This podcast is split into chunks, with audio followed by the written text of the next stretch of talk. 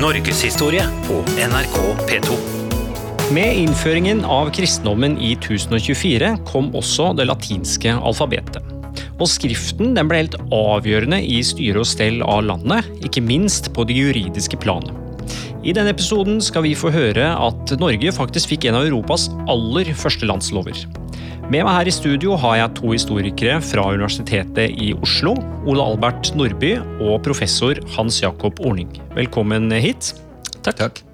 Hans Jakob, med teksten så fikk du mulighet til å skrive ned lover og regler. Hvilke endringer medførte det for rettssystemet i Norge i middelalderen? Retten er jo ikke bundet av at den skal være skriftlig.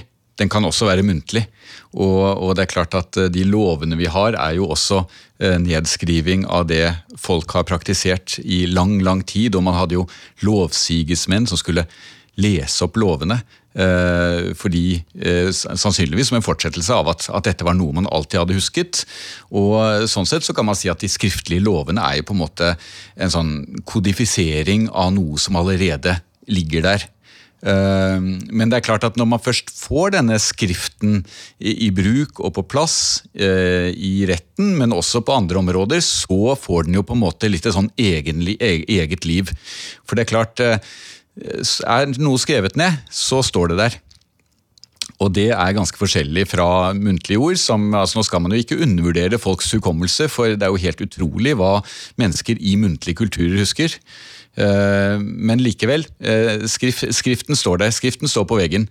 Eh, og de som innfører skrift, det er jo kirken. Og kirken kommer utenfra.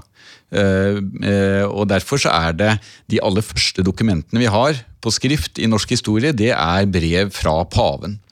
Oh ja.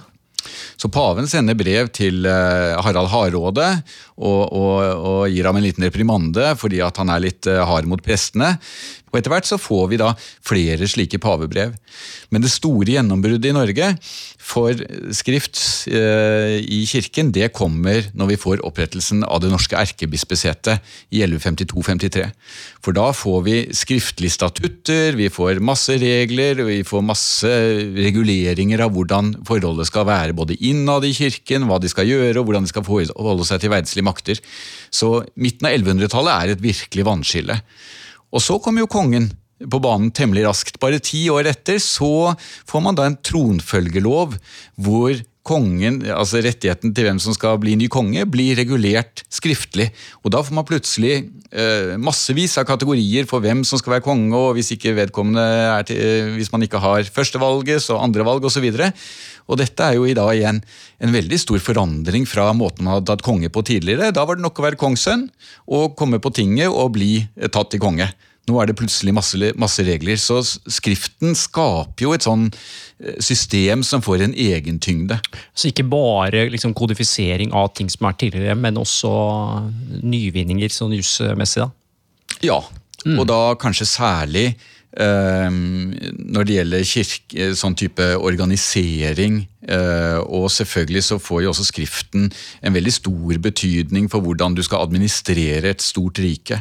Mm. For det er klart, Før du har Skriften, så er man avhengig av at kongen reiser rundt, at han har ombudsmenn som man kan være i jevnlig kontakt med. Og det, det slutter jo aldri å eksistere. Kongen fortsetter å reise rundt, men når du får et skriftlig eh, fundament, så får du jo også en større mulighet til å ja, til å utøve myndighet over distanse. Og så er det jo på slutten av 1200-tallet, og det er ganske lenge etter at Skriften er kommet til Norge, da begynner man å få eh, mer rutine på slikt. Da får man f.eks. Eh, skattmestere som skal ta imot regnskap. Man får en, en, lov som sier at alle dommer skal festes i skrift osv. Så, videre. så Så da begynner man å legge mer av det fundamentet for en sånn skriftlig administrasjon. Eh, Ole Albert, eh, eiendom og eiendomsskifter var utrolig viktig i dette jordbrukssamfunnet. Medførte Skrift noen endringer på, innenfor eiendomsrett eh, f.eks.? Det vi kan i hvert fall se fra de, de, brevene vi har overlevert, altså de skriftlige dokumentene som, som har noe med, med, rettspraksis å gjøre, så ser vi jo at det som er aller aller mest vanlig, altså overveldende mest vanlig, er jo dokumenter som dokumenterer hvem eide noe før, hvem eier noe nå, hvem var til stede og så på at, uh, at en eiendom ble overdratt fra en person til en annen. Og Det er jo noe av den fascinerende transformasjonen av Skriften som finner sted. Mm. For, for eh, når den begynner med paven, med erkebiskopen, så er den jo eh, virkelig et eh, instrument som man bruker ovenfra og ned for å organisere store samfunnsorganisasjoner, og for å også skape et bilde av samfunnet som er i samsvar med disse. Så da har man f.eks. Altså at det er kongen og kirken som har ansvaret for lov og rett, for at ting er som det skal, for å føre krig osv. Um, og da kunne man tenkt seg at dette her forblir et overklassefenomen som er ganske fjernt fra vanlige folk. Men som Ole Albert sier, altså, så begynner jo bøndene å bruke dette her. Det begynner å vokse. vokse altså Man skjønner at dette er noe man faktisk har, har bruk for. Ikke sant? Altså Det er nyttig for bøndene å bruke skriften, og det er et interessant eksempel på det. Eh, vi har, vi har en, eh, en, prest som levde på begynnelsen av 1400-tallet, som het Øystein Tordson. Han var prest i, i Eidsberg, og har, han var involvert i, i, tre saker som vi har overlevert, altså hvor dokumentene overlever. Og i to av de sakene da, så, så er han involvert i eiendomskonflikter med bønder, som mener at de eier deler av eiendom som da Øystein Tordson mener at egentlig eies av Eidsberg sogn, som han er, er, prest for. Og det som skjer i begge de sakene er at Øystein tar med seg saken til, til biskopen i Oslo. Biskopen skal dømme, dømme, i eiendomskonflikten. Og så går Øystein til, til jordboken til biskopen og ser i jordboken at nei, her står det at Eidsberg sogn eier denne jorda. Og begge ganger så taper de bøndene den saken, fordi eh, Øystein har dette skriftfestet i, i, i eh, biskopens jordbok, og de har ikke det. Og da taper de, begge gangene. Ja, og Noe av det interessante her er jo også da at bøndene har en helt annen oppfatning av hvordan disse sakene skal løses, fordi vi gjerne at man skal konsultere gamle menn mm. om dette. Ja. Og få muntlig eh, vitnesbyrd om dette, og mener at det er det som er avgjørende. Og så får du da eh, konfrontasjonen med Skriften. Og det er klart, her, eh, her taper jo bøndene så du synger, men eh, For vitner har de. Ja, Vitner har de, men ikke, har de. ikke, bøker. Mm. Og Det sier jo noe også om at, at dette er, er, en konkurranse om troverdighet. Mm. Hva er det som skal veie tyngst? Er det det skriftlige eller er det det muntlige? Og det, det, det avgjøres jo ikke over natta. Jeg tenker vi må deale med denne her landsloven. Ja. Den sagnomsuste Lagabøtes landslov.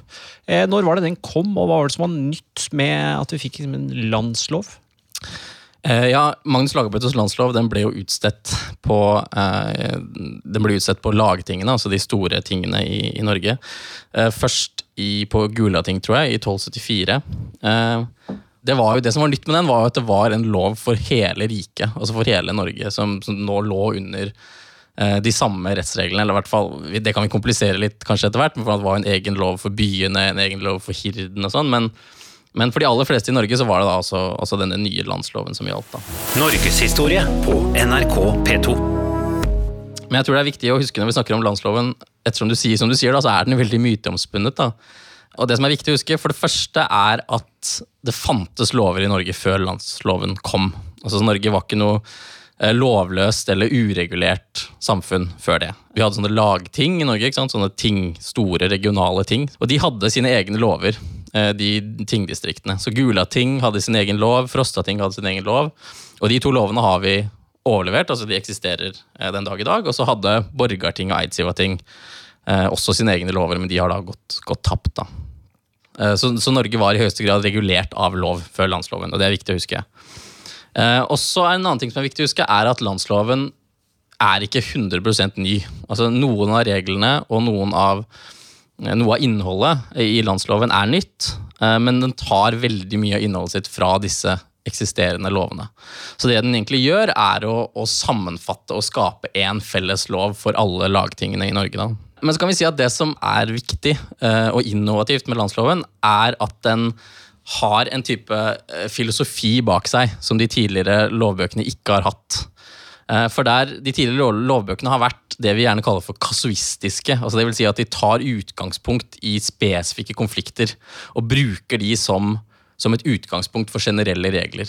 Mens det landsloven gjør, er jo sånn, et forsøk på en mer sånn helhetlig kongelig lovgivning. Altså at kongen Eh, skaper en, og sier eh, at dette er nå loven. Kongen tar kontroll over lovgivningen, på en måte. Som tidligere har ligget mer hos tingene da, i det de avgjør saker. Driver med den praksisen som de gjør. Så det landsloven gjør, er å, å, å lage lov, på et vis. da. Eh, og, og det er en litt sånn annen tilnærming, fordi det er en måte å forme samfunnet på. Forme um, fremtiden på, på en måte som den kasuistiske lovgivningen ikke nødvendigvis er. da. Og så har landsloven også tar mye inspirasjon fra romerrett, f.eks., som også er Romerrikets um, Romerrikets lovgivning, som man gjenoppdaget i denne perioden i middelalderen, på 1100- og 1200-tallet, som, som landsloven inspireres av. da. Og det kanskje viktigste den lar seg inspirere av der, er denne ideen om at kongen skal gi lov. Altså Det er noe en konge gjør, på samme måte som at en konge fører krig, så skal en konge eh, lage lover. da. Eh, Hans Jakob, I forrige episode snakket vi jo om hvordan kongen eh, i stor grad måtte belage seg på indirekte styre. Er eh, landsloven en refleksjon over at kongen nå hadde fått en mer sentral makt? Både ja og nei, tror jeg. Jeg tror nok at eh, på mange måter så reflekterer det en, at det har skjedd en statsutvikling eh, i Norge, og at man også har fått en type ideologisk tankegods eh, fra, fra romerrett og kanonisk rett som, som stiller kongen i en helt annen posisjon enn den han har hatt tidligere. Ka- Kanonisk rett er det Ja. Ja. Mm. Men det som, eh, hvis man skal gå litt mer eh, materialistisk til verks og spørre eh, har eh, forutsetningene for kongemakten forandret seg vesentlig eh, på slutten av 1200-tallet, så blir svaret mer tvilende, i hvert fall. For hvis du ser på kongedømmet og dets institusjoner, så, så har jo kongen kanskje 300 mann som er på en måte kongsmenn. Og det er, hvis du ser på befolkningen, så er det ca. én per 1000 innbyggere. I dag har staten én per seks. Eh, og ser du på kirken, så har kirken eh, ti ganger så mange i, i sitt eh, ombudsapparat. Så det vi kan slå fast, er jo, er jo at kongen har jo overhodet ikke noe tvangsmakt. Og, og sagaene, som jo forteller liksom om hvordan samfunnet litt mer eh, var, og ikke så mye om hvordan det var eh, ment å være som lovende, de viser jo på en måte at, at, eh, at makta rår jo mye mer enn det, og at den er mye mer lokalt fundert. Slik at en konge må på en måte, han er helt avhengig av stormenn, og han er avhengig av å appellere til dem, men stormennene har også sin eh, maktbase, som gjør at måte, hele den tanken om at landsloven skaper en eh, nasjonal eh, identitet og myndighet, den, er, den tror jeg blir ganske anakronistisk. Ja, man kan jo si at hvis for oss moderne mennesker da, som er vant til å tenke på en stat som byråkratisert og profesjonalisert, og, og, og, har med evne til å eksempel gjennomføre liksom, ideologisk, ideologisk politikk og sånn, da, så er det jo eh, det er jo kirken som er gjenkjennelig som er en slags sånn statlig organisasjon i middelalderen. Og, og, og kirken er internasjonal. Altså, Den katolske kirkes uh, institusjonelle organisering i middelalderen er egentlig veldig imponerende. Så den strekker seg over mesteparten av Europa, og, og det er korrespondanse sant, mellom norske biskoper og paven, som vi nevnte innledningsvis. og, og sånn. Så, I tillegg til at kirken jo styrer på en måte de viktige spørsmålene om, om liv og død. altså Hva som er eh, geistlige saker, er jo helt annerledes enn det, enn det vi tror det er. Det er eh, så, så kirken har også det er, de som, det er de som har hånd om det evige liv, og det er som, som kjent ganske mye lenger enn det jordiske. Eh, ja, jeg tenker Med skriften så var det jo ikke bare lovverk eh, vi fikk, men det kom jo også både geistlig og verdslig eh, litteratur. Eh, Hva var bestselgere i eh, middelalderen? Ja, jeg, jeg tenker sånn at vi ehm, Mye av det som vi tenker på som på måte eh, de viktigste produktene av, av eh, middelalderens skriftkultur liksom Mange tenker på Snorre, for eksempel. Uh, Njål-saga på Island, som holdes opp som en sånn, sånn uh, bidrag til verdenslitteraturen, og det er det jo. Men vi må huske også på at, at mange av disse verkene, da, som disse litterære verkene, de overlever jo i veldig mange færre manuskripter, altså håndskrifter. eh, enn det som på en måte er de mest populære eh, bøkene. Da. Så lovmanuskriptet for eksempel, er det masse av. Altså mange, titalls, og det er mange også, til å være middelaldermanuskripter. Og religiøs litteratur. Masse. Eh, salmebøker, for eksempel, er vel det som det er aller mest av. Eh, oh, ja. så vidt jeg vet, Eller i hvert fall noe av det det er aller mest av. Eh, så det er jo det som er bestselgerne. Altså det som er litt sånn kjedelig. Det er det det er mest av. Og så kan vi også tilføye der eh, at, eh, at blant sagaene, som Ole Albert sier, altså vi, vi tenker jo gjerne på de opphøyde, og islendingesagaen er, jo, eh, er jo liksom eh, Shakespeare i Norden. ikke sant? Men, men det som virkelig har mange manuskripter der, det er det vi kaller fornaldersagaer, eller fornsagaer Suderlanda. Og dette er en betegnelse på, altså på ganske sånn kioskmessig litteratur.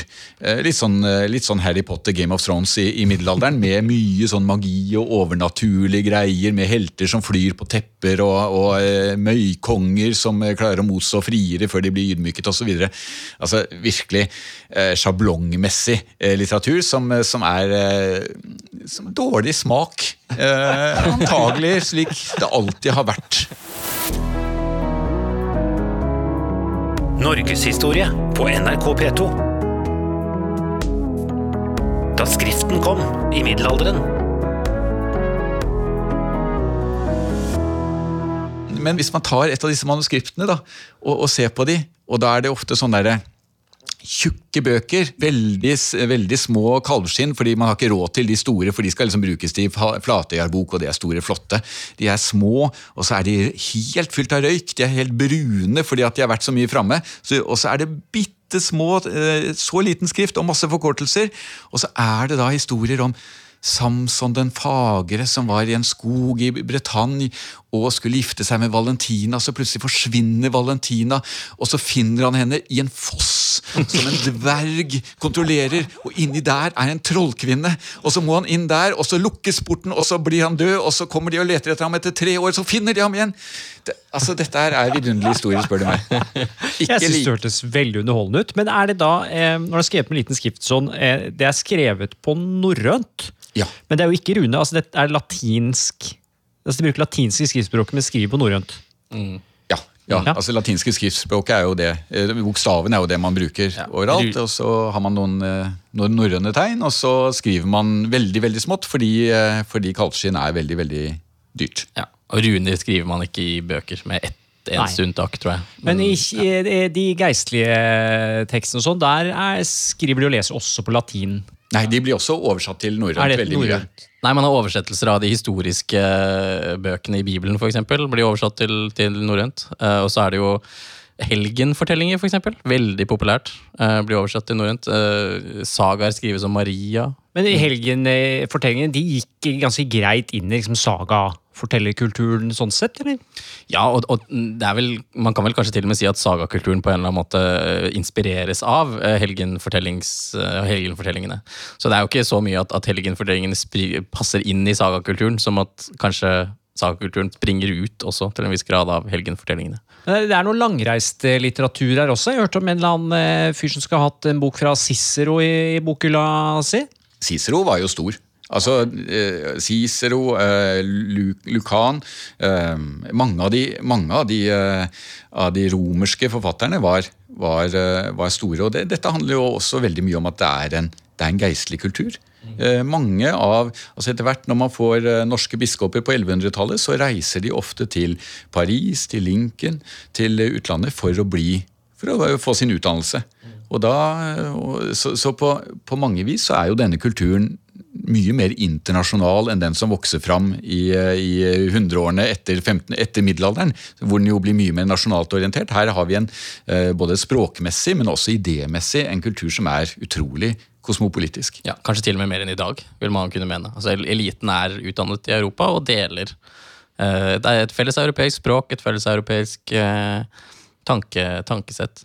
Og et, et annet sånn interessant eller morsomt eksempel da, på, på hvordan denne, disse bøkene og denne kunnskapen har langreist, er jo en, et manuskript, altså en, en spesifikk bok da, som heter Hauks bok, som har tilhørt eh, en islandsk stormann som flyttet til Norge og ble lagmann i Gulating. Eh, Hauk Erlendsson het han. Og i den boka, den inneholder masse forskjellig. Den inneholder teologiske verker, den inneholder eh, Vålespå, som er et dikt, og den inneholder eh, inneholder veldig mye forskjellig, men en ting, av de tingene den inneholder, er noe som kalles for algorismus, som er innføringen, eller en forklaring egentlig, på det arabiske tallsystemet. Uh, som viser jo litt av dette er jo det, dette arabi- det vi kaller for det arabiske tallsystemet, har jo opprinnelig oppstått i, i India. Så det viser jo hvor, hvor langt noe av dette reiser. Og forklarer hvordan disse symbolene betyr ulike ting når de står på ulike plasser, og at null ikke betyr noen ting. men at det, ja.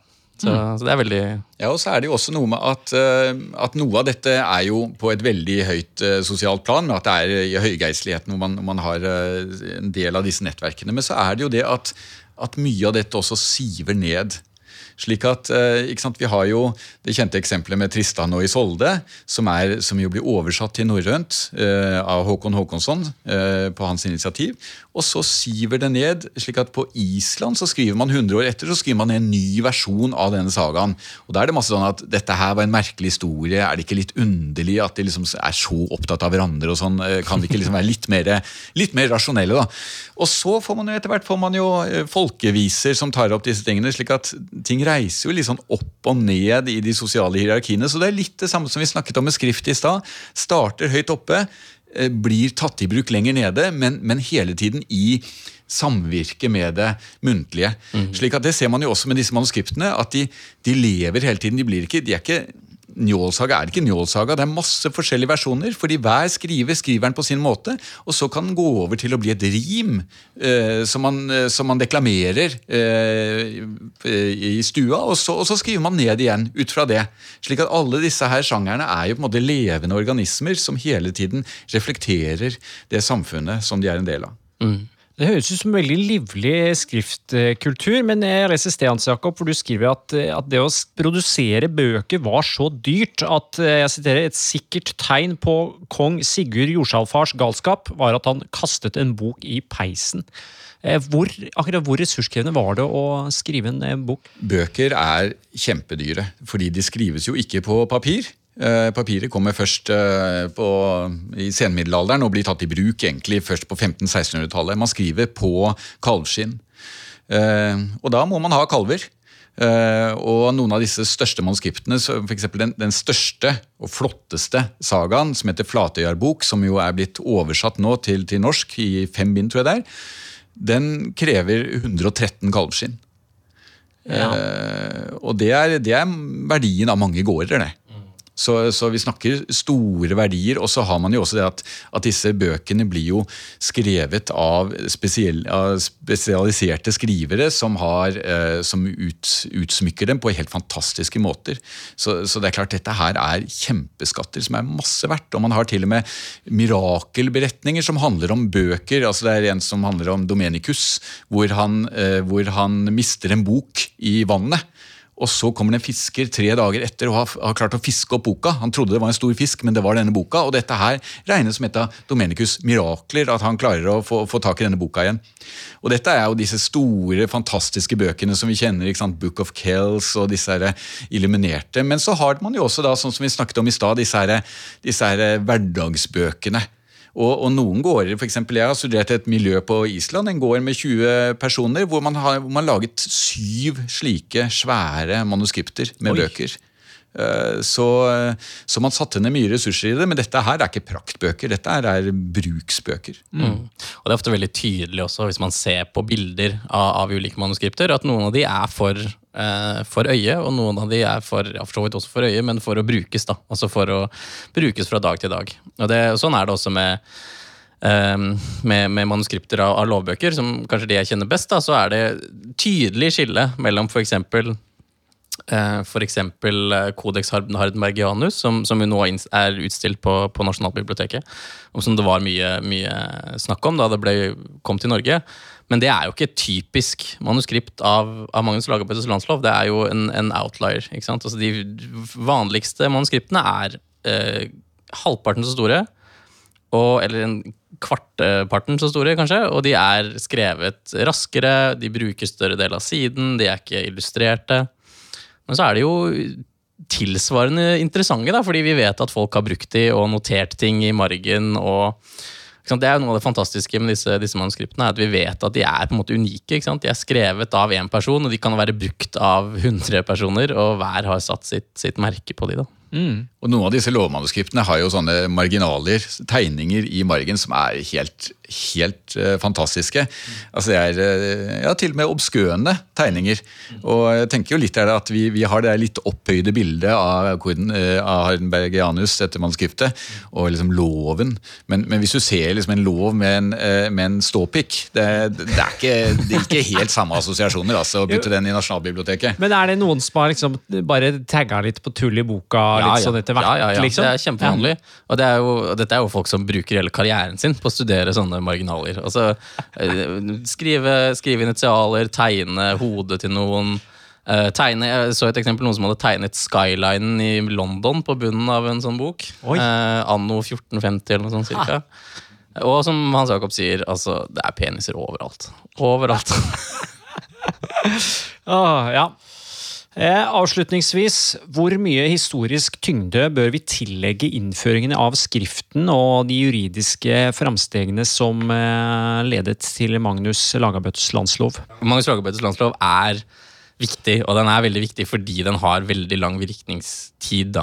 Men man har på en måte anerkjenne den at, at den er viktig på riktig grunnlag. da. Altså Man må gi den, gi den ære for det den trenger ære for. Og det den trenger ære for, er ikke at den innfører lover i Norge, eller at den innfører masse nye regler. Den innfører noen nye regler, men eh, det, det som kanskje er det store og det viktige med den, er at den er en, en lov som gjelder for et helt kongerike, og som blir brukt i veldig lenge.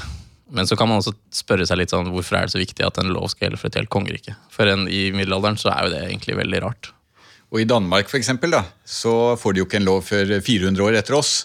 Og Det er jo også en, en grunn til å feire lagabøtta, at vi ligger så langt foran, foran danskene. Ja, det liker vi. Men så er jo spørsmålet litt eh, hvor mye sier egentlig dette her? Er ikke Danmark eh, ganske mye mer effektivt og sterkt som et kongerike enn det Norge er i, i disse 400 årene? Klarer de seg ikke ganske godt uten en landslov? Jo, det gjør de. Det gjør det, Ja. altså. Ja. Men at skriften den eh, gjorde seg gjeldende nedover i samfunnet også, det er, det, det er sikkert. ja. Skriften er veldig interessant som en sånn knipetangsmanøver som starter i de øverste lag som et ideologisk redskap, og så blir tatt i bruk nedenfra og plutselig nesten kan vende seg mot de den ble innført av. ja. Det skal vi faktisk høre mer om eh, i neste uke, når vi skal snakke om da trykkekunsten kom til Norge. Ole Albert Nordby, Hans Jakob Orning, tusen takk skal dere ha. Du lyttet til serien Medienes stemmer og maktens sensur, produsert av Norgeshistorie ved Universitetet i Oslo. Mitt navn er Anders Brenna, og ansvarlig for denne serien er Ellen Katrine Lund.